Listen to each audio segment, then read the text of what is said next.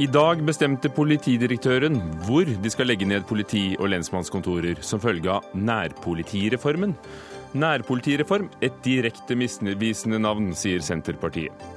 Norge feiler i Syria, og Vesten gjør bare krigen verre, mener en av våre fremste Midtøsten-eksperter, Cecilie Hellestveit, som møter lederen i Stortingets utenrikskomité til debatt.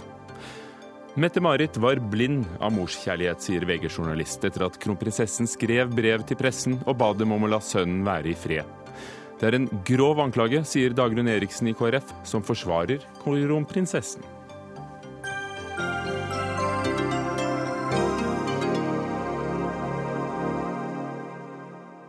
Og kan Rødt og SV slå seg sammen til ett parti. Noen leker med tanken. Én for og én imot. Debatterer senere her i Dagsnytt 18 med Ugo Fermariello i dag. Velkommen.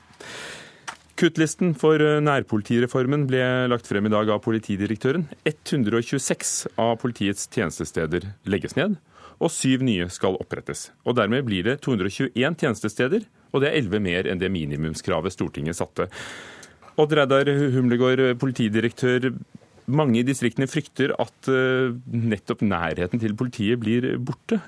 Hvordan vil du si det blir med det, det du presenterte i dag? Ja, Det blir jo lengre til noen av lensmannskontorene som nå etter hvert eh, blir lagt ned og flyttes ifra. Men eh, politiet skal komme nærmere. Det er altså avstanden mellom eh, skal vi si, politipatruljen og eh, hendelsen, åstedet og publikum som blir viktig. Så vi skal være mindre på kontoret da det haster eh, minst for folk, og mest ute og jobbe i distriktene. Både med forebygging, vaktberedskap og etterforskning og politiarbeid på stedet.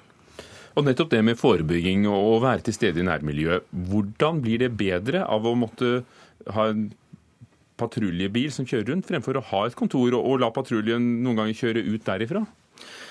De vil de også gjøre, men de vil kjøre ut fra færre eh, steder. Eh, og det er altså slik at det å bemanne en eh, patrulje det krever ca. 18 årsverk. Det er ikke det som er det typiske. I snitt, de lensmannskontorene som nå legges ned, så er det svært få. Det er to, tre, fire ansatte. De klarer ikke å bemanne en patrulje. Eh, og de blir sittende og bruke mye tid på å holde kontoret åpent noen dager i uka, og bindes opp til kontorbygningene. Nå skal vi få eh, de ut og jobbe, være på plass i politibilene og tilby tjenestene der folk bor og der hendelsene skjer. Dette er det politiet har ønsket lenge. Nå har vi gjort ett grep, men det er mye som gjenstår for å få dette opp og gå fullt ut, selvfølgelig. Men strukturendringer det er nå viktige forutsetninger for å få dette til. Er det noe vi mister? Som ja, så, du ser det?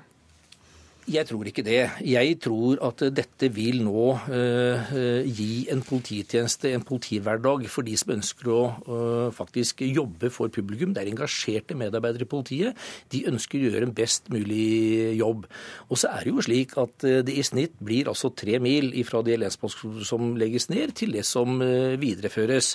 Slik at vi flytter ikke så langt i snitt, men vi flytter på noe av det som faktisk i dag står mer som en bygning og hvor også mange av våre medarbeidere er eh, ganske interessert i å komme sammen med noen flere kolleger, få et større faglig miljø, eh, og også kunne da bedre tilby de tjenestene som etterspørres av publikum.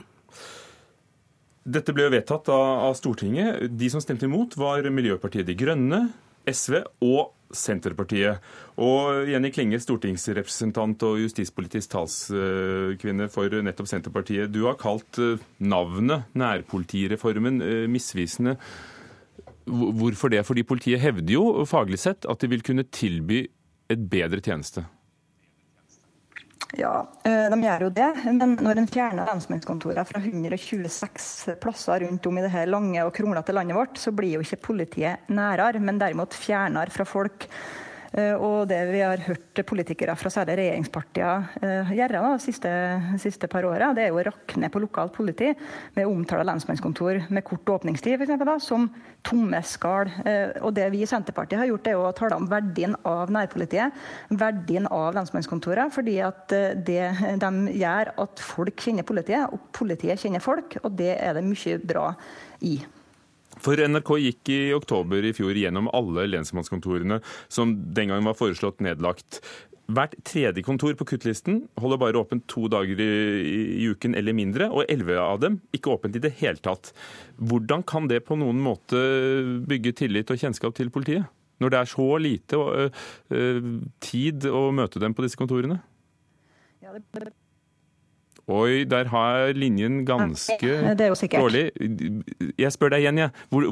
Hvordan, med så liten åpningstid, uh, hvordan kan det i det hele tatt bidra til å styrke forholdet til politiet?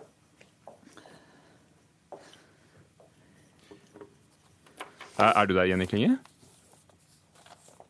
Ja, vi prøver å få den linjen opp igjen. Uh, Per-Willy Amundsen, justis- og beredskapsminister. Det er du som skal behandle eventuelt det som måtte komme inn av klager, og det, det kan jo godt hende når vi hører hva Senterpartiets justispolitiske talskvinne sier. Men, så Det er begrenset uh, hva du kan si for ikke å bli inhabil her, har vi skjønt. Men, men, kan du forklare hvorfor dere stemte for å foreslå det? Det er riktig. Jeg kan uh, dessverre ikke gå inn i enkeltforslag uh, som ligger på bordet i dag.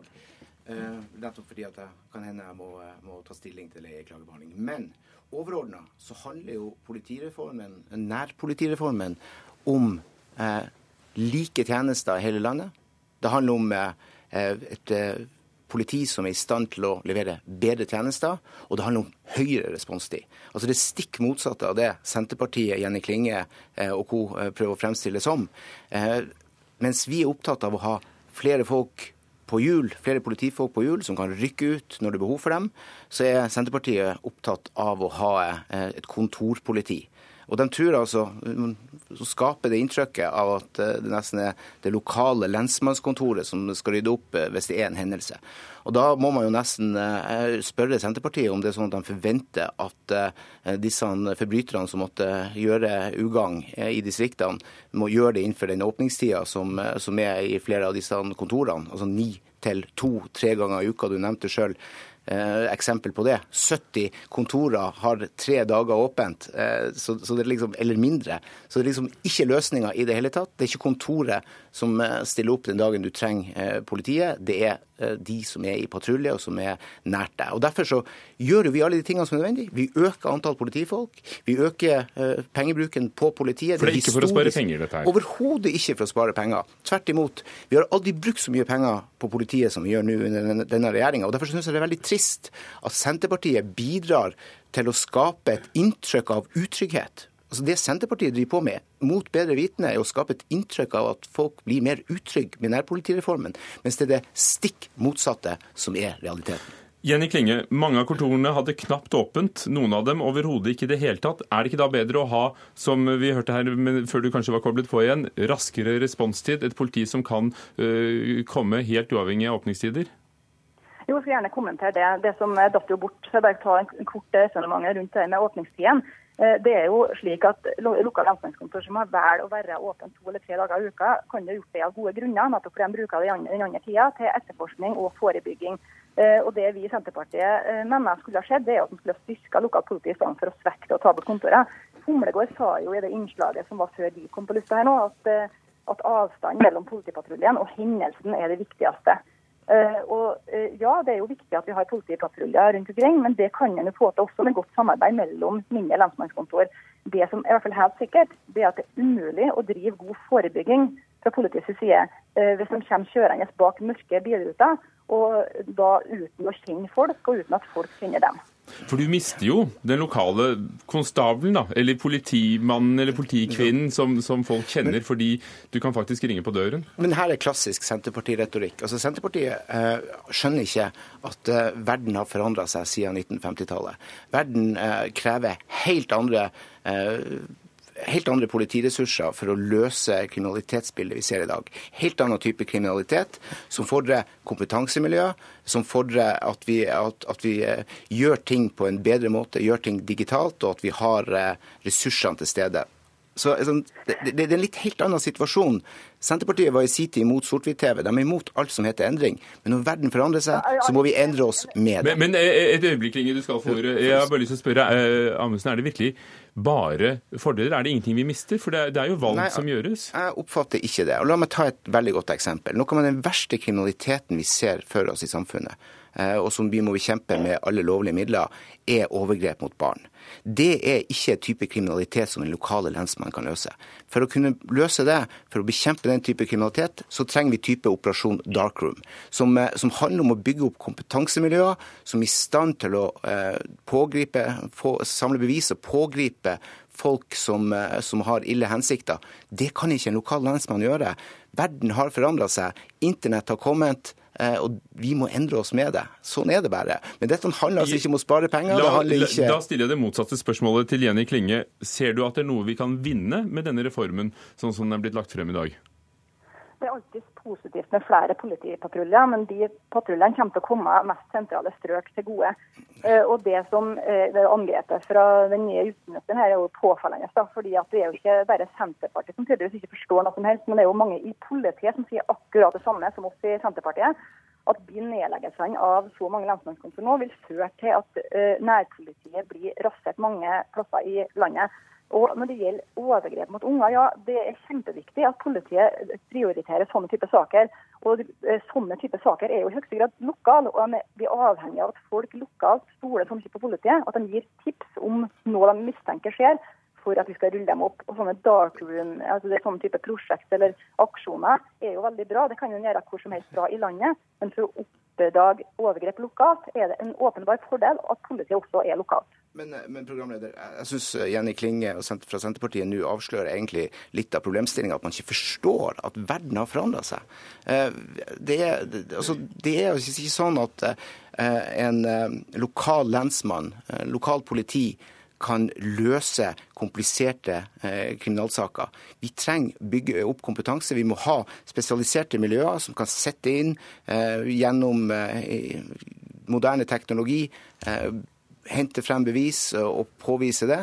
Eh, og Det er altså ikke sånn at løsningen ligger på 50-tallets Og så har kommunene noen andre bekymringer som handler om nærhet. Vil du si at alle kommunene har kommet nok til orde i, i prosessen? Ja, Hvis vi skal ta på alvor eh, høringsuttalelsene, så er det altså sånn eh, at av de 330 høringsuttalelsene som har kommet, så er det altså under ti som klager på en dårlig prosess. Jeg vet ikke, jeg mener det er riktig tall. Mm, er riktig tall. Hvilke reaksjoner forventer du deg nå som beslutningen er fattet? Venter du deg en eh, klagebunke? Det får vi se på. Eh, dette har vært en, eh, en, en, prosess som, i hvis man skal legge til grunn tilbakemeldingen, så, så, har det tydeligvis vært en veldig god prosess hvor kommunene føler seg inkludert, og hvor, det, hvor, hvor man har, har, søkt å finne gode løsninger lokalt. Så får vi se da om det kommer klager, og da skal vi selvfølgelig ta stilling til det. Jenny Klinge, jeg nevnte at det var, dere, SV og, og De Grønne, som, som, stemte mot reformen. Hvilke forhåpninger gjør du deg nå til at, eh, til at noen beslutninger kan eh, reverseres? Ja, Nå er det jo en klageadgang da, som kommunene har. altså Åtte ukers, eller åtte ukers frist for å levere klager. Så er det en behandling av det etterpå i Justisdepartementet på klager som kommer inn. Og det som jeg da vil presisere, det er jo at holdningene fra justisministeren her om at mindre lensmannskontor er udugelige og ikke kan ta av kompliserte saker, de er jo litt spesielle. For en del av de kontorene som politidirektøren selv nå velger å foreslå skal bli opprettholdt, eller har innstilt skal bli opprettholdt, det er jo faktisk av de mindre kontorene. Så det er jo veldig interessant å høre da om justisministeren mener at det kommer til å være et A- og et B-lag innen norsk politi fremover. Nei, Jenny Klinge, men igjen så syns jeg du, du, du, legger til grunn en forståelse av politiarbeid som, Amundsen, som ikke er tilpassa det 21. århundre. Det er jo noen kontorer Amundsen, som er foreslått opprettholdt, som er altså blant de minste eh, som har åpningstid to dager i uken. Var ikke det poenget å bli kvitt dem, da? Nå skal, eh, nå er vi i en prosess. Jeg vil selvfølgelig ikke uttale meg om enkeltkontor. Du får ikke lede meg inn men, i den Men da skal ikke jeg. Da sier jeg takk til dere politikere. Odd Reidar Humlegård, politidirektør. Forståelig nok så debatterer ikke du med stortingspolitikere eller din egen sjef, justisministeren. Um, men eh, hvorfor opprettholde eh, disse, noen av disse minste kontorene også? Det betyr jo at dere ser en verdi noen steder? Vi gjør det. Og eh, det er altså slik at av de 221 tjenestestedene som nå videreføres, så er det slik at 50 av de som fortsatt vil ha fem eller færre som har i dag, fem eller færre ansatte. Men en del av de 500 som jobber på de eh, stedene som nå legges ned, vil jo begynne å jobbe på nærmest nabokontor, slik at de vil bli styrket. Men så er det noen av de minste lensmannskontorene som vil fortsette å bestå, som f.eks. nå på Smøla, som vi viderefører. Men eh, det er ikke noen sånn umiddelbare planer om å styrke de, men de videreføres fordi det ble for lang reisetid for for mange på den øya med ferjeforbindelse, slik at der gjorde vi den vurderingen. Det samme i Tysfjord Noen av disse vi la til på slutten, var av den begrunnelse at det skulle ikke være for langt uh, til nærmeste lensmannskontor. Skal det gå, beredskapen? Den, den, beredskapen blir ikke bedre av dette, men det blir en viss tilstedeværelse av politi. Hvor lang tid kan det gå øh, maksimalt fra noen ringer til de er der? Ja, Responstiden er jo Nå måler vi den for andre år på rad, og den går i riktig vei. I alle tettstedsområdene så kommer nå politiet, viser målingene, raskere enn før. Dette har vi ikke målt uh, før nå de siste par årene. Og den diskusjonen om at politiet kommer etter brannvesenet Jeg kan si jeg kjørte patrulje på 80-tallet. Da var det også slik at noen gang kom brannvesenet først, noen gang kom politiet. Sånn kommer det til å være i fortsettelsen. Men nå er det større sjanse for at politiet kommer før enn noen gang. Har det vært stor uenighet innad i politiet, som vi hørte antydninger om? Jeg tror det er viktig å ta med seg dette at eh, vi har i politiet eh, ønsket dette lenge. Og det er vel sjelden mine kolleger jeg jobber sammen med i utlandet, som har hatt en sånn støtte eh, i parlamentet og hvor da eh, reformen er så i tråd med det politiet selv ser fra et faglig ståsted. og Det syns jeg er veldig viktig å få fram. Dette ønsker politiet. Vi vil levere polititjenester som er bedre. Dette strukturtiltaket er ett av mange ting vi nå gjør. Takk skal dere ha. Odd Reidar Humlegård, politidirektør, justisminister Per-Willy Amundsen og Jenny Klinge fra Senterpartiet.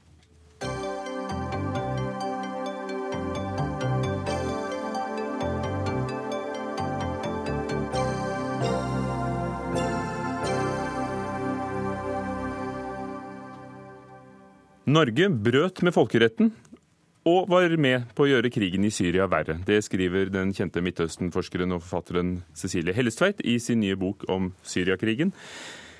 Det var i 2012 den norske regjeringen anerkjente Nasjonalkoalisjonen i Syria, som den het, som representant for det syriske folk. Og Cecilie Hellestveit som forsker og observatør, hva var din reaksjon da? Nei, I desember 2012 da hadde vi hatt eh, ett og et halvt år med en veldig krevende situasjon i Syria. Og Da gikk den norske regjeringen ut og sa at nå blir vi med og støtter den eh, syriske opposisjonen, altså nasjonalkoalisjonen, som én representant for det syriske folk. Ikke den eneste, men én. Men det er også en viktig ting som endret norsk tilnærming til denne form for konflikter. Dette her har ikke Norge gjort før på samme måten. Eh, og det var eh, et politisk skal vi si, tiltak som endret Norges involvering i Syria. Fordi Syria-konfliktens første år, fra 2011 til 2012, sommeren, så forsøkte man å få Sikkerhetsrådet til å autorisere maktbruk for å hindre eh, Assad-regimet i å bruke makt. Man ønsket å prøve å bruke Sikkerhetsrådet for å presse frem regimeendring i Damaskus. Det gikk ikke. Og Det gjorde at i 2012 så la man en plan B. Og Det handlet om å anerkjenne opposisjonen som en legitim representant for det syriske folk. Gi det politisk tyngde og militære maktmidler på bakken for å presse Assad-regimet til forhandlinger. Syrerne selv trodde at dette her var begynnelsen på å lage en ny statsstruktur som skulle ta over i Damaskus. Og dette var en prosess som Norge var med på. Det er et brudd på FN-pakten å gå inn og blande seg inn i andre lands anliggender på den måten der. For det var et lite aber. Vi anerkjente jo Syria, og det gjorde FN. Det ja, for, eksisterende Syria. Ja, for eh, i motsetning til to land, Tunisia og Libya, samt eh, Gulfstatenes union eh, og Den arabiske liga, så var Norge en av de som både anerkjente opposisjonen, men som fortsatte med diplomatiske forbindelser med Assad-regimet. Og Det er klart det er en form for involvering i en borgerkrigssituasjon som er veldig uheldig, fordi det er et brudd med FN-pakten. Og dermed et brudd med folkeretten? Et brudd med folkeretten. Og en del av folkeretten som det er særdeles viktig for et lite land som Norge, med store naboer, å forholde seg til i det vi gjør ute. Vi tenkte det kunne vært interessant å høre med datidens utenriksminister Jonas Gahr Støre, som ikke kunne stille, hvordan det foregikk, eller med, med lederen av utenrikskomiteen på Stortinget den gangen, Ine, Ine Eriksen Søreide, eh, som i dag er forsvarsminister, men eh, det lot seg heller ikke gjøre. Men Anniken Huitfeldt fra Arbeiderpartiet, du leder Stortingets utenrikskomité i dag. Hvilke tanker gjør du deg eh, om at den regjeringen du satt i da, selv om du hadde en annen ministerpost, ifølge Cecilie Helstveit var med på å sette et nytt spor i norsk utenrikspolitikk og, og, sette seg på kant med folkeretten? Ja, det var jo forsøk på å få til en politisk løsning, fordi at uh, løsningen med FNs sikkerhetsråd hadde ikke ført fram. Så er det mye vi kan si den gangen om hva vi trodde om den syriske opposisjonen. Det var jo før den ble så fragmentert som den er nå. Før ISIL fikk dette fot, fotfestet. Slik at Dette var et forsøk på en politisk løsning, men det var jo ikke slik at Norge gikk i bresjen her. Det var veldig mange land som gjorde det. Men jeg syns at dette er en viktig kritikk, men jeg syns den skyter over mål. Fordi de verste folkerettsbruddene var det jo Assad-regimet som sjøl sto for. Som bombet sin egen sivilbefolkning. Og det å gi Norge skylden for at dette blir verre, det syns jeg, jeg, blir en for sterk kritikk. Det er nok av stedfortredere i denne regionen, andre land, som har holdt denne krigen i gang. Men det er klart at det har blitt gjort mange feil, og det er en viktig diskusjon som Hellestveit trekker opp. Vil du i dag, med etterpåklokskapen uh, til stede, ville du i dag gått inn for en annen avgjørelse selv? Men det er jo nettopp det som er så vanskelig i denne krigen, er at det fins ingen ideell løsning. Og da kan man hvis man skal unngå dilemmaer, så blir man jo nærmest handlingslammet. Det som er viktig for oss nå, er jo å bekjempe ISIL. Og det er mange dilemmaer knyttet til det vi gjør også nå. Eh, men jeg syns det blir et veldig vanskelig spørsmål å svare på, for det var et ønske om å få til en politisk løsning. Men hvis jeg skal si noe i etterpåklokskapens ånd, som er utrolig viktig i den type konflikter, så er det vel at vi ikke ga nok støtte til Kofi Annans plan. Det var mange som mente at den planen kom Assad for godt ut av. og Man ønsket ingen løsning hvor Assad skulle ha noen som helst slags rolle. Så det er vel kanskje noe som burde vært eh, gjort annerledes fra flere vestlige land. Cecilie Hellestveit, som eh, Huitfeldt sa, det så enklere ut den gangen. Og kanskje denne plan B-en var, eh, i lys av at Assad altså hadde begått eh, brudd mot folkeretten og mot sitt eget folk, en plan som virket politisk fornuftig i, i, det internasjonale samfunnet? For det var jo ikke sånn at Norge sto alene om dette? På ingen måte. Og jeg sier jo heller ikke at Norge har vært ansvarlig for det som har skjedd i ettertid. Da eh, det ble klart hva dette i realiteten var, så strakk Norge seg tilbake en ganske betydelig fra den involveringen. Men poenget her er jo ikke hvordan det fremsto, og hva slags intensjoner Norge hadde med å begynne å skal vi si, eh, operere i gråsonen på hva som er folkerettslig akseptabelt. Poenget er at Norge er en liten stat som uansett intensjoner har en strategisk interesse i å forholde seg veldig klart til de klare reglene for involvering i andre staters anliggender hva gjelder maktbruk. Og hva slags intensjoner vi har, er ikke det som er avgjørende for hvordan dette tolkes der ute. Det som skjedde i Syria, det var det at ett år seinere, da verden ikke gikk inn eh, pga. dette gassangrepet i Damaskus. Men man begynte å fase våpen, massive mengder med våpen inn på opprørssiden. Så sto Russland i Damaskus, hadde folkeretten på sin side og sa dette er brudd med FN-pakten dere. Og så sa verden nei, vi bryr oss ikke. Og da sa Russland greit, da begynner vi å praktisere denne regelen i vårt naboland Ukraina, hvor vi har strategiske interesser. Så det gjorde at Det er ringvirkningene? Det er ringvirkningene av å si vi har gode intensjoner, så vi begynner å leke litt med disse spillereglene reglene her nå, og så går det ikke helt sånn som vi vil, så kan vi ikke forvente i dagens situasjon at ikke andre land sier å, men nå er det vi som har lyst til å eh, leke med disse eh, folkerettslige reglene for maktbruk mellom stater. Det har ikke Norge råd til. Huitfeldt, jeg rekker opp hånden på, på dine vegne uh, og, og, og tar poenget til deg. Norge er et lite land med store naboer, og du sier at Hellesveit skyter over mål. Men når ringvirkningene blir dem at, uh, at da blir det plutselig en gangbar vei? Er det ikke nettopp Det mener, det mener jeg det ikke gjør. Eh, altså Den fortolkningen som Hellestveit her har av folkeretten, at man eh, kan ture frem så lenge man er en del av de sittende myndigheter, det bryter jo med retten som sivilbefolkningen har til beskyttelse. Slik at Den fortolkningen eh, er jeg vel ikke helt enig i. Og jeg mener at dette i for stor grad legitimerer det som har vært eh, Russlands involvering i denne krigen. Men det viktigste er å kunne få til en politisk løsning. Og det har vist seg mye vanskeligere eh, enn vi antok. Så Norges rolle nå er jo å først og fremst gi humanitær hjelp. Forsøke å støtte opp under de prosessene som foregår for en fredelig løsning.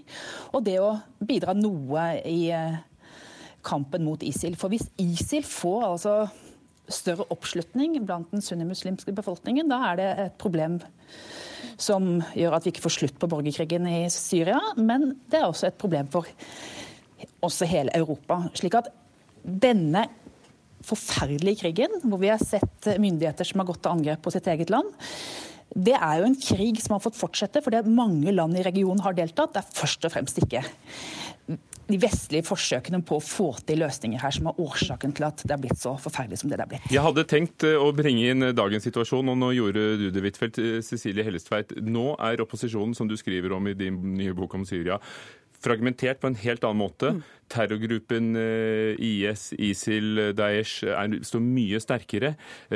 Er det ikke nettopp sånne løsninger som vi var med på å finne i 2012, som trengs? Fordi som regel er kritikken at verdenssamfunnet klarte ikke å reagere. Det var et forsøk.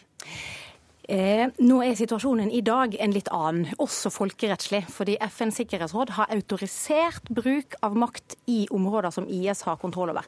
Men spørsmålet igjen er hva skal være Norges forhold til folkerettens regler om maktbruk i slike land. Jeg tror at Norge bør satse på nettopp det som Anniken Huitfeldt sier, og satse på å gjøre en innsats for sivilbefolkningen, de humanitære, og for å få til dialog mellom de uendelig mange samfunnsgruppene i Syria som trenger det. Kunne vi gjort det den gangen, alene, mens litt, de vestlige Syrias venner eh, presset på for litt, det vi ble med på? Litt av poenget til Norge er jo at vi har et veldig stort handlingsrom humanitært, fordi det forventes at vi skal operere i det rommet. Men hvis vi begynner å bryte folkeretten, så, så lukker vi det rommet. Fordi det sitter en stor nabo som sier at men sånn kan man ikke gjøre det. Norge bør være forutsigbar eh, eh og eh, prinsipiell i denne tilnærmingen. Da kan vi antageligvis som land kan gjøre veldig mye mer for sivilbefolkningen i slike konfliktområder som vi har i Syria. Huitfeldt, det er vel det myke diplomatiet vi gjerne vil være kjent for? Ja, men det vi gjør i dag er jo nettopp sette sunnimuslimer i stand til sjøl å ta kampen mot ISIL. Det innebærer humanitære virkemidler, men også at vi trener soldater, slik at de kan ta den kampen sjøl. Men jeg syns at Hellesveit går nå noe langt i å legitimere Russlands rolle i denne konflikten. Det mener jeg det ikke er grunnlag for. Men det at Norge spiller en sterk humanitær rolle, det er ikke til hinder for at vi også spiller en politisk rolle. Og jeg må straks lukke dette rommet. Bidra Derfor heller seg til sluttreplikk. Det å kritisere Norges politikk kan ikke være det samme som å legitimere Russlands politikk. Takk skal dere ha, begge to. Anniken Huitfeldt, leder av utenrikskomiteen på Stortinget. Cecilie Hellesveit, forfatter av den nye boken om Syriakrigen og Midtøsten-forsker.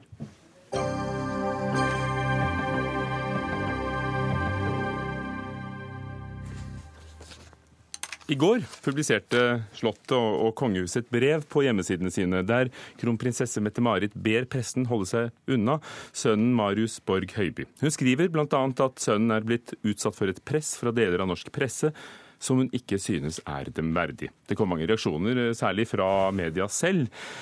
For det som skjer er at Marius Borg Høiby skal flytte til California for å studere økonomi og ledelse, og for å komme seg bort fra offentlighetens søkelys. Morten Hegseth, eh, journalist i Verdens Gang. Du er en av dem som lot deg irritere kraftigst over det åpne brevet fra kronprinsessen. Hva er galt?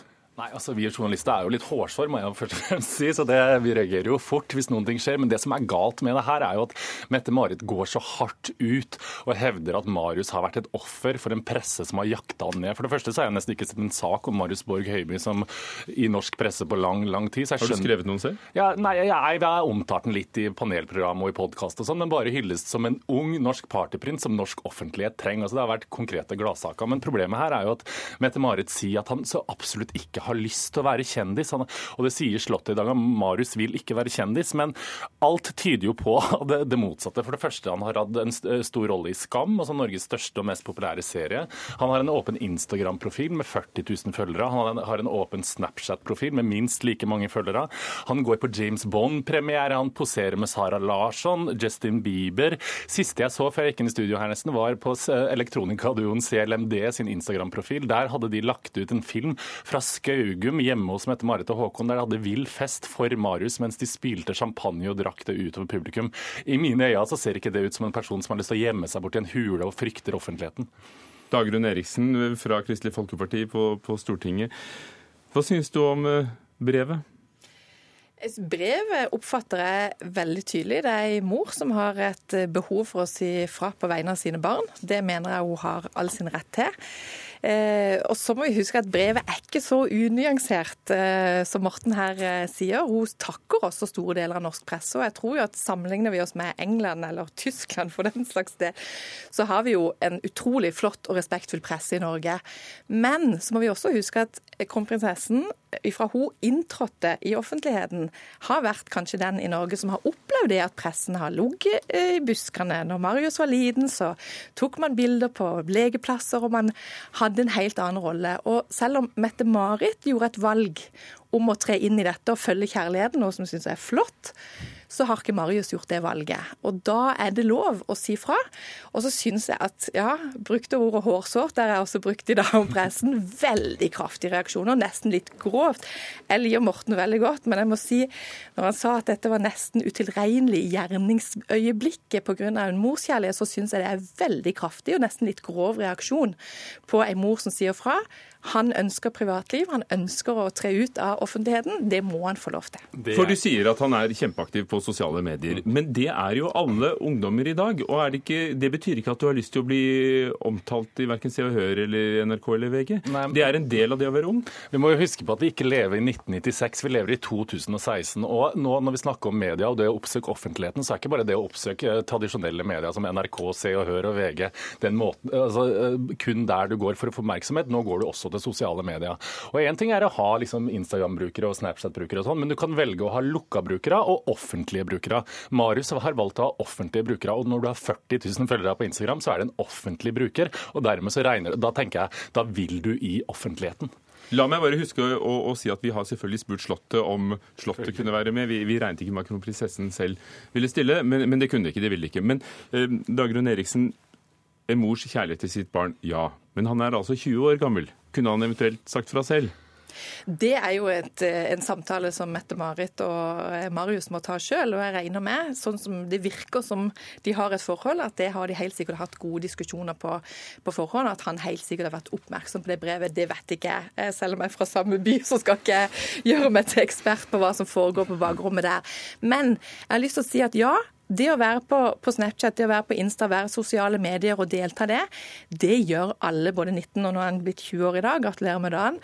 Alle gjør det, uten at det som du sier, betyr at man skal oppsøke å være kjendis. Og jeg må si at de eksemplene som pressen har trukket fram om Marius de siste årene, det er ikke en oppførsel som hvis du, hvis du kobler bort Slottet Altså Hvis du kobler bort det at han faktisk var en del av det miljøet, ville ikke ha ført til noe som helst nyhetsoppslag. For det er ikke en, en vill oppførsel for en 19-åring i Norge, det som Marius har gjort. Så jeg syns eh, det er en vennlig henstilling. Det er en takk til norsk presse, som kronprinsessen har gjort i dag, men det var også en vennlig henstilling. Han ønsker å fratre fra det offentlige eh, livet, og da må han få lov til det. Og da syns jeg pressen ikke skulle bli så hårsåre på det. Ta imot takken og respektere det. Det er et liv han ikke ba om. Så, I hvert fall ikke i utgangspunktet. Ja, helt riktig. Det er et liv han ikke ba om. og Dermed så fortjener han jo mer skåning enn vanlige kongehusmedlemmer. Men jeg lurer jo litt på når du snakker her nå, og når Mette-Marit snakker, og når du spør om det er et liv han ikke ba om, hvilke saker er det om Marius som vi har lest om som har vært så forferdelig? For du mener ikke at han har fått utilbørlig oppmerksomhet? Jeg syns ikke han har fått utilbørlig oppmerksomhet i det hele tatt. Kanskje det motsatte. Så jeg syns at eh, norsk presse har vært sånn kjedelig i dekninga av Marius. Altså, Marius er en, altså, han er en potensiell kjempetabloid person som vi kunne ha det mye gøyere med i norsk presse. Jeg er vel ikke i tvil om at de engelske eller tysk presse hadde, nei, nei. hadde de fråtset langt mer. Men, men, vil du si at han likevel har fått uh, uønskede oppslag, så oppslag du, du, mener har gått over streken? Det er i hvert fall helt tydelig at det er oppfattelsen av familien sjøl og av hans mor. Men da vil jeg høre et konkret eksempel. Det er det jeg lurer, blir, blir så forvirra av. Ja, Det kan jo ikke jeg ta Nei. opp, men det er jo helt tydelig. Og jeg tenker at det å ha en respekt for det, og det vi skal huske altså nå, Vi er jo mye i media og er jo ofte i det søkelyset, men vi som politikere i Norge opplever jo ikke dette som kongefamilien gjør i det hele tatt. Det er sjelden det har ligget noen ute i buskene for å spionere på en KrF-politiker politikere i Norge.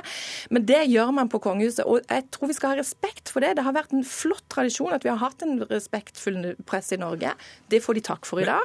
Og så er det en liten henstilling til litt større respekt, og det syns jeg at jeg ikke skulle bli så hårsårt. Vi, vi, har noen tall. Kampanje Bransjebladet har, har, samlet inn hvor mye oppmerksomhet eh, han har fått. Nemlig 386 artikler om uh, Marius Høiby i fjor, og 220 av dem i riksmedier. og Det var dobbelt så mye for, som to år tidligere. Til sammenligning var det 1400 artikler om prinsesse Ingrid Alexandra. Så det er jo en stor forskjell. Men er det sånn at pressen, om ikke dere, men at noen ligger etter med teleobjektiver? Nei, Det tror jeg ikke. Kanskje ukepressen. Kanskje Se og Hør har vært litt sånn intens i jakten på Marius og sånne ting. Eh, nå er ikke de her. Hæ? Nei, nå er ikke de her, og det skal vi ikke si noe om. Og jeg syns jo heller ikke at det Se og Hør har skrevet om Marius har vært noe ille i det hele tatt. Og så syns jeg jo også det at når Mette-Marit skriver i det brevet her at hun eh, mener at alle altså de mediene som omtaler Marius på en måte som hun ikke syns er bra, altså som mor syns er bra, at hun syns det er, eh, ikke er, er med respekt. og at hun liksom roser de som på en måte har gjort det hun syns er riktig. Syns er en sånn passiv-aggressiv tone som ikke er en kommende dronning verdig, og dikterer hva norsk media skal omtale og ikke, syns jeg er litt rart. Men du har slått presisert, i hvert fall det jeg har fått med meg, det jeg har lest i dag, som jeg bare har fulgt med. Jeg understreker igjen at jeg har ingen direkte kontakt inn. Eh, så har de understreket i dag at det handler både om positive og negative oppslag. Det er oppmerksomheten i seg sjøl. Mener du at han er en privatperson som, bør, som altså, ikke bør karakteriseres i det hele tatt? altså 380 oppslag for en 19-åring som ikke har valgt et offentlig liv, er ganske mye. Hadde du vært en 19-åring som gikk på Bjølsen skole, eh, så hadde det vært mye oppslag. Men har han ikke valgt det litt ved å være med i TV-serien Skam, med å ha en veldig aktiv profil på sosiale medier? Nei, aktiv profil på sosiale medier har alle ungdommer i dag. Vi jobber jo for livet, vi som er litt eldre og prøver å være litt aktive. Han har valgt å ha en rolle i Skam. Det er jo en konsekvens han må ta. Men selv om du har hatt en rolle i et eller annet, så skal du få lov å bestemme sjøl om du ønsker å oppsøke offentlighet eller ikke. Og nå har han og hans mor gitt et sterkt signal, og det syns jeg at en skulle ta og respektere, og ikke bli så fornærma som pressen har blitt i dag. Morten Hegseth, er han en offentlig eller privat person, som du ser det? Han er en offentlig person fordi han er sønnen til dronninga. Eh, sønnen til den kommende dronninga, eh, først og fremst. Men fordi at han har oppsøkt offentligheten sjøl, så har han sagt ja, jeg tar godt gjerne mot oppmerksomhet, jeg har det gøy. Og alle som jobber i bransjen her, spesielt underholdningsbransjen, veit at Marius Borg Høiby ikke har noen ting imot å være kjendis. Så det er jo Kan du se det som et godt eksempel på åpenhet fra kronprinsessen, den kommende dronningen, om hva hun føler og tenker? Hvis hun hadde fortalt deg dette i et eksklusivt intervju, ville ja. du da ikke slått opp? Uh, nei, jeg tror at jeg hadde altså Hvis hun hadde fortalt meg det i et eksklusivt intervju, så hadde jeg likt det. For det jeg liker med det, da hadde du likt det. Det, ja, det jeg liker med Mette-Marit, det må jeg bare si, det jeg liker med Mette-Marits uttalelse, er at det for første gang så er det litt ekte. altså Det kommer noen ekte følelser her. Det er ikke noe sånn strigla, kjedelig A4-ark som er helt sånn punktvis, som Slottet pleier å gjøre. altså Det er liksom ekte morskjærlighet, og morskjærlighet det elsker vi. Uten morskjærlighet så hadde ikke verden vært et så bra sted som det er i dag. Så er det en åpenhet du setter pris på også? Jeg, eh, altså, det er litt tosidig. Jeg liker at Mette-Marit er åpenhet, og at hun viser følelser. men jeg er totalt uenig i innholdet. og Jeg mener at det her ikke hører hjemme på kongehuset.no, men et brev til PFU. Men hvis hun hadde sagt det til deg i et eksklusivt intervju? Nei, men Jeg kommer ikke til å gjøre noe eksklusivt intervju med Mette-Marit uansett, så det er bare en fjern tanke.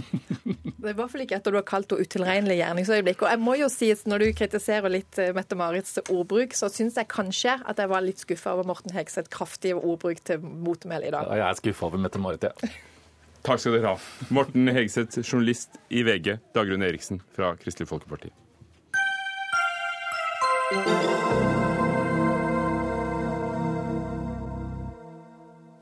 Vi skal til Middelhavets eh, tredje største øy, Kypros.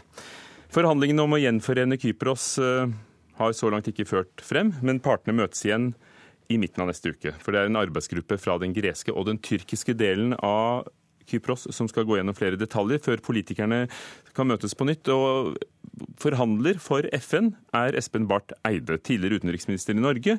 Og, og, og du er i Genéve, hvor du har eh, prøvd å få til en avtale. Og hvorfor lyktes det ikke i dag? Det, hallo. Det, altså, vi, vi, er altså nå i Genéve og har i går åpnet denne internasjonale konferansen, som er første gang i historien at Tyrkia, Hellas og Storbritannia, altså garantimaktene til Kypros, er direkte involvert. Dette er foreløpig høydepunktet i en langvarig forhandlingsprosess, fordi vi har nå kommet til det punktet at partene kan forhandle direkte med disse maktene, som alle har i dag en særlig rolle eh, i, eh, i Kypros som såkalte garantimakter. Og dette er jo sterkt omstridt, fordi greskkypriotene ønsker at uh, tyrkiske stropper skal forlate øya, og at dette garantisystemet skal opphøre, mens tyrkere, Tyrkia og tyrkiske kypriotene vil at det skal fortsette. Så Det er fordi vi har lyktes med stort sett alle de andre spørsmålene at vi nå endelig er der at vi kan ha denne internasjonale konferansen. Jeg tror ikke noen hadde trodd at den skulle bli ferdig samme dag som den åpnet, men vi er kommet godt i gang, og det er vi veldig fornøyd med. Kristian Berg Harpviken, direktør ved Institutt for fredsforskning. PRIO, dere har et eget kontor på Kypros, og du har fulgt forhandlingene tett. Hvor delt er øya i dag? Nei, Øya er eh, svært delt. Dette var jo en øy der befolkningen levde ganske blanda fram til eh, intervensjonen i 1974. I dag så har du på Nord-Kypros eh, nesten bare tyrkisk-kyprioter. Og du har relativt enhetlig gresk-kypriotisk befolkning i republikken Kypros, altså i sør. Og du har denne buffersona der kaffekoppene fortsatt står på bordene sånn de ble forlatt i 1974, og bilene står i garasjene, og vareutvalget ligger i hyllene i mange av butikkene. Mm. Siste delte hovedstad i verden. Med en mur igjennom, og med vaktposter og grenseoverganger. Definitivt. Men samtidig en konflikt der ingen har mistet livet siden 1996. Og etter 1974 så er det vel bare åtte stykker som har mista livet i en eller annen type vold i buffersonen. Hvordan vurderer du det som skjer i Genéve, og som eh, Barth Eide får i stand? Dette er utvilsomt det mest eh, lovende vi har sett eh, når det gjelder Kypros-konflikten på veldig, veldig lenge. Det er ingen tvil om at dette er en vanskelig konflikt å løse. Men eh, som Barth Eide sier her, det faktum at man nå har fått inn garantimaktene til et møte, at det fortsatt er positive signaler, litt blanda, men først og fremst positive gjennom at de både er der og at de diskuterer konkrete løsninger, det er jo veldig, veldig lovende. Og så er det flere vanskelige spørsmål som, eh, som gjenstår, men eh, så langt så er det grunn til å være optimist. Eh, Espen Barth Eide, hvilke områder er det vanskeligst å, å enes om, tror du? Ja, det er jo det spørsmålet som denne konferansen i Genéve dreier seg om, nemlig det kapittelet i forhandlingene vi kaller sikkerhet og garantier.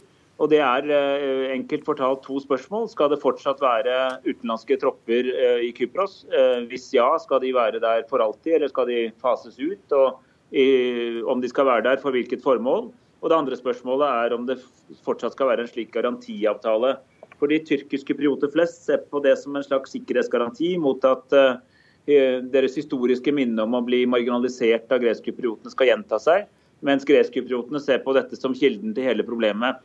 Eh, så Det høres ut som to posisjoner det er vanskelig å forene. Men det vi har gjort nå, er å bli enige om å forsøke å dele opp dette spørsmålet i mange underspørsmål. Eh, også med hjelp av noen svært dyktige eh, forskere fra begge sider av Kypros som har studert hva folk egentlig frykter, og påpekt at det folk egentlig er redd for, kanskje kan ivaretas på andre måter enn de gamle løsningene med stort fokus på militære svar. Så, og Dette kan man bare få til dersom eh, Hellas, eh, Tyrkia og Storbritannia er enig. For de altså, det foreligger altså en, eh, tre traktater som gir den, dem en spesialrolle, og, de, og de har helt ulike syn på det tradisjonelt sett. Men som Harpiken sier, det har neppe vært en bedre sjanse nå. Det betyr ikke at vi lykkes, men vi må bruke denne sjansen så godt vi kan. Så kanskje det viser seg om noen uker at vi er i mål. Hvis de hadde levd sammen ganske fredelig ganske lenge, hvorfor brøt det hele sammen og ble så delt som de gjorde i 74? Ja, Dette begynte jo på slutten av 50-tallet med frigjøringen fra britene. Kypros var jo en britisk eh, koloni. Du fikk en frigjøringsbevegelse som i stor grad var dominert av gresk-kyprioter med sterke nasjonalistiske føringer, og som helt fra begynnelsen ønska seg en gjenforening av Kypros med Hellas. De så altså Kypros som en naturlig del av eh, det greske riket det var ikke veldig inkluderende, sånn det opplevdes for den tyrkisk-kypriotiske minoriteten. Så fikk vi en periode utover på 60-tallet med ganske stygg vold og internering av mange tyrkisk-kyprioter. Dette ledet fram til det som ble et uh, gresk militærkupp i 1974, og responsen på det militærkuppet, nettopp med utgangspunkt i den garantitraktaten som Barth Eide snakket om her, det ble altså en tyrkisk eh, intervensjon. Og siden da har øya vært eh, delt. 38% av territoriet kontrollert av eh, egentlig tyrkiske soldater. Og i dag står det anslagsvis 30 000 tyrkiske soldater i dette territoriet. Og på den andre siden en høyst levende republikk, medlem av EU, med en stor turisme som blomstrer. Men er det sikkert at dette vil lykkes når Erdogan nå sier at det er uaktuelt for ham å trekke ut de tyrkiske militære? Ja, Erdogan sa det, men han sa det er uaktuelt så lenge ikke de andre garantimaktene trekker ut sine militære, så lenge ikke Hellas trekker ut sine. Så han tar et forbehold, og det forbeholdet tror jeg vi skal høre. Så det betyr jo egentlig at Erdogan anerkjenner at det kan finnes andre garantiordninger som vil ivareta tyrkisk-kypriotenes sikkerhetsbehov. Espen Barth Eide, det ville jo vært historisk om partene lykkes i å, å gjenforene dette til ett land. Men er det sånn at alle ønsker det? Ja, Svaret på det er ja, eh, definitivt. Og det har vært klart uttrykt under åpningsdagen i går. Så, så ga alle garantimaktene et klart og etter mitt syn troverdig uttrykk for at de ønsker å finne en løsning, og at de ønsker å finne den sammen. Men det at man har det samme ønsket, betyr jo ikke at man har de samme svarene. Så min jobb eh, sammen med, med, forhandlerne fra alle partene er jo nå å se om man kan fra den viljen til å løse dette sammen, finner en felles løsning. og det, det kommer til å bli utfordrende. At det er historisk, er det ingen tvil om. fordi eh, FN har altså hatt fredsbevarende styrker på Kypros i 53 år. Eh, det er den lengstlevende militære fredsbevarende operasjonen i verden. og Vi syns vel at det kanskje nærmer seg tiden for å nå eh, løse dette, og etter hvert avslutte dette meget langvarige engasjementet også i FNs historie. Harpveggen, hva vil det bety for eh, området hvis de lykkes? Kan vi si når de lykkes? Det østlige Middelhavet er jo et konfliktpreget område. Så i den forstand, eh, hvis man kan få til en fredsløsning på Kypros, så betyr det mye. Og så betyr det mye i en europeisk sammenheng, og det betyr mye i en transatlantisk sammenheng. Som du selv var inne på, eh, republikken Kypros er EU-medlem. Tyrkisk-kypriotiske Eh, ikke anerkjente republikken i nord er eh, altså tett på Tyrkia. Tyrkia er Nato-medlem. Dette ligger som en verkebyll i hele relasjonen mellom Nato og EU, og ligger også da som en blokkering på et nærmere sikkerhetssamarbeid mellom EU og Nato. Så det som på mange måter kan fortone seg som en relativt liten, insignifikant, isolert konflikt på en liten øy i Middelhavet, har altså enorme storpolitiske konsekvenser. Men etter å ha levd... Jeg har lyst til å si det som ja, sier her er helt sentralt. fordi Derfor var jo også presidenten i EU-kommisjonen, eh, Juncker, Jean-Claude Juncker og Federica Mogherini, EUs eh, utenriksminister, var jo her eh, begge to i går, nettopp for å understreke de tingene som Hertviken nå nettopp sa. Vil de etter 50 års adskillelse lykkes i å, å, føle seg som ett folk, tror du, Barth Eide? Noen er greske og noen er tyrkiske kulturelt? De fleste kypriotene jeg kjenner, mener at de først og fremst er kyprioter, og deretter at de er greskkyprioter eller tyrkisk-kyprioter. Det er noen eh, ytterliggående nasjonalister som mener at eh, man bare kan være greker eller bare kan være tyrker der, men det er faktisk en ganske sterk kypriotisk identitet. Og folk flest kommer stort sett ganske godt over, overens med hverandre, men det er altså denne eh, usikkerheten som begge gruppene føler som kollektiv, for at enten eh, greskkypriotene skal oversvømme og fullstendig frata eh, den eh, relative sikkerheten de har eh, skapt seg, eller at greskkypriotene føler at eh, det nære båndet til Tyrkia skal gjøre at Tyrkia blir enda mer dominerende også i deres liv. Så Det er jo denne, mer den kollektive usikkerheten som vi nå skal prøve å løse ved å skape noen systemer hvor de kan være sikre sammen. Harpvigen, er du optimistisk? Jeg er optimistisk på forhandlingene og håper at det vil lede fram til en avtale. Men så er jo den neste store utfordringen at det vil være en avtale som skal legges fram for folkeavstemninger både i sør og nord. Og vi vet at det er betydelig skepsis i, på begge sider, spesielt i sør. Så det vil kreve et betydelig opinionsarbeid og god politisk kommunikasjon fra de to lederne. Men la oss nå først håpe at vi får til en avtale, og så tar vi den utfordringen når den kommer. Takk skal dere ha. Christian Berg Harpviken, direktør ved Fredsforskningsinstituttet, og Espen Barth Eide, FNs spesialutsending til Kypros.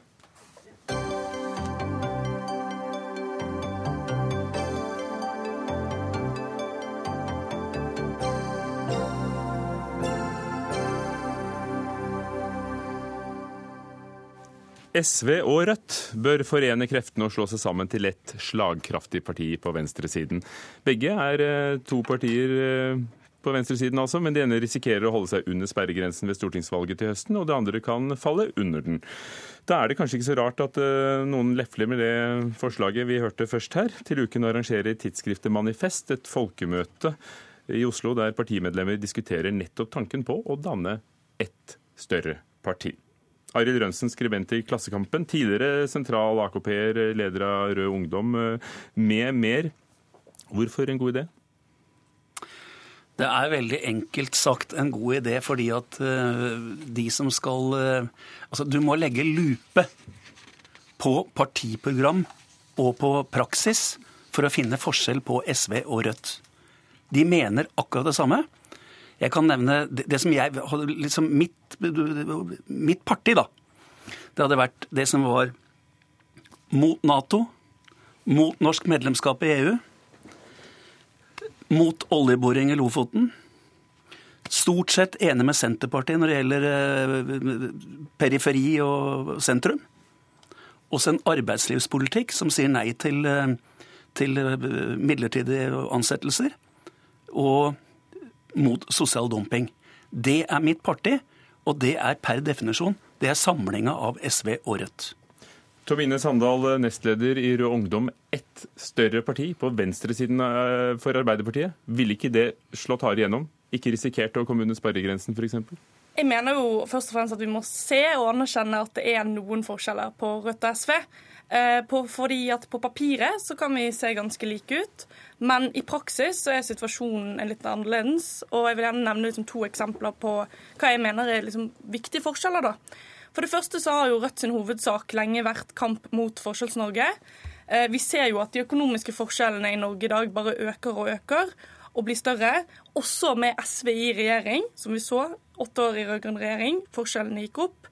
Og da er det jo selvfølgelig kjempefint at SV og andre partier nå sier at de vil senke forskjellene i Norge, og er enig med oss i Rødt. Men det er viktig at det ikke bare er festtaler, men også politisk handling. Og for det andre så mener jeg at SV sluttet å være et fredsparti da de var i regjering. Eh, SV var med på å videreføre Norges deltakelse i Afghanistan-krigen. De var med på å bombe Libya sønder og sammen. Eh, og dette ville Rødt aldri vært med på. Og det hjelper lite å angre seg i etterkant, når man ser, eh, ja, som man ser SV gjør nå. Fordi det er hvordan man handler når det gjelder, som teller. Og jeg tror mange medlemmer i Rødt ikke ville stolt på SV som et fredsparti. Så du, bortsett fra at du mener at det er reelle forskjeller, så tror du at dere ville mistet ja, tror, velgere også? Jeg tror mange ville vært skeptisk til å se på en sammenligning av SV og Rødt som et fredspartiprosjekt etter det vi har sett. Hører du forskjellene? Nei, egentlig ikke. Fordi at, altså, dette er sånn stammekrig. Fordi at, eh, ja, jeg, jeg mener det. For at eh, altså, SV gjorde en stor feil når de per mobiltelefon sa ja til å bombe Libya. Vi spurte men SV om å være her, og de kunne ikke. Ja, Bare nevner det nå, ja, siden du brakte dem på banen. Men, men, men, altså, de har faktisk, så vidt meg bekjent, så har de tatt et oppgjør med det på landsmøtet sitt og sagt at det var en feil avgjørelse. Og det kan ikke hefte ved det partiet. Og alle som ser på det med andre briller enn det du gjør, vil si det at SV er et fredsparti. Rødt er jo også et sammenslått parti fra det tidligere Rød valgallianse og Arbeidernes kommunistparti, AKP.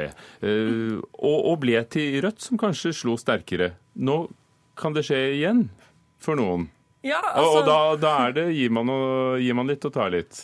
Ja, altså, Vire Ungdom har jo vært ungdomspartiet til både RV AKP og for så vidt også SF for ganske lenge siden, og nå er vi ungdomspartiet til Rødt.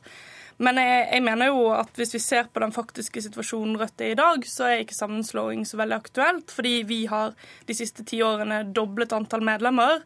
Vi gikk frem i valget 2015. Vi fikk 14% i Nord-Norges største by, Tromsø. Og i Oslo ligger vi nå an til å få inn et mandat på Stortinget. Og da mener jeg at prosjektet Rødt er det viktigste for oss i Rød Ungdom i hvert fall da, å satse på. Katrine Sandnes, leder i Tankesmien Manifest.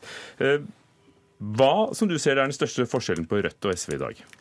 Når du hører eh, partilederne snakke, så er det jo nærliggende å si at den største forskjellen er dialekten. Men eh, Og så er det jo Sett, sett utenfra så er det jo en veldig besnærende, besnærende tanke, og en tanke som eh, ville gjort eh, valget enklere for en del av oss. Eh, problemet ved å slå, ved å slå sammen partiet, partiene, det er, det er jo det er jo de menneskene som faktisk er partiene i dag. Eh, og så lenge menneskene som driver organisasjonene ikke ønsker å slå sammen partiene, så er det jo dødfødt, for da er det jo ingen til å faktisk gjennomføre det. Men noen ønsker det, for dere har jo skaffet noen til eh, folkemøtet. Eh, Så det finnes jo partimedlemmer selv som begynner å lufte tanken. Det blir jo ikke aktuelt til høsten uansett, men, men kanskje neste periode? Ja, nei, og jeg, jeg tror, jo, eh, tror jo også at uh, tanken for mange er nærere nå enn det den har vært tidligere. Og jeg tror at noe av det handler, handler om, rett og slett om et generasjonsskille. Eh, eh, liksom, eh, Rødt eller RV sprang jo ut fra en splittelse i SF. Nå er førstegenerasjonen eh, altså Denne første generasjonen er nå eh, nær sagt på din alder. Sier du det? Ja.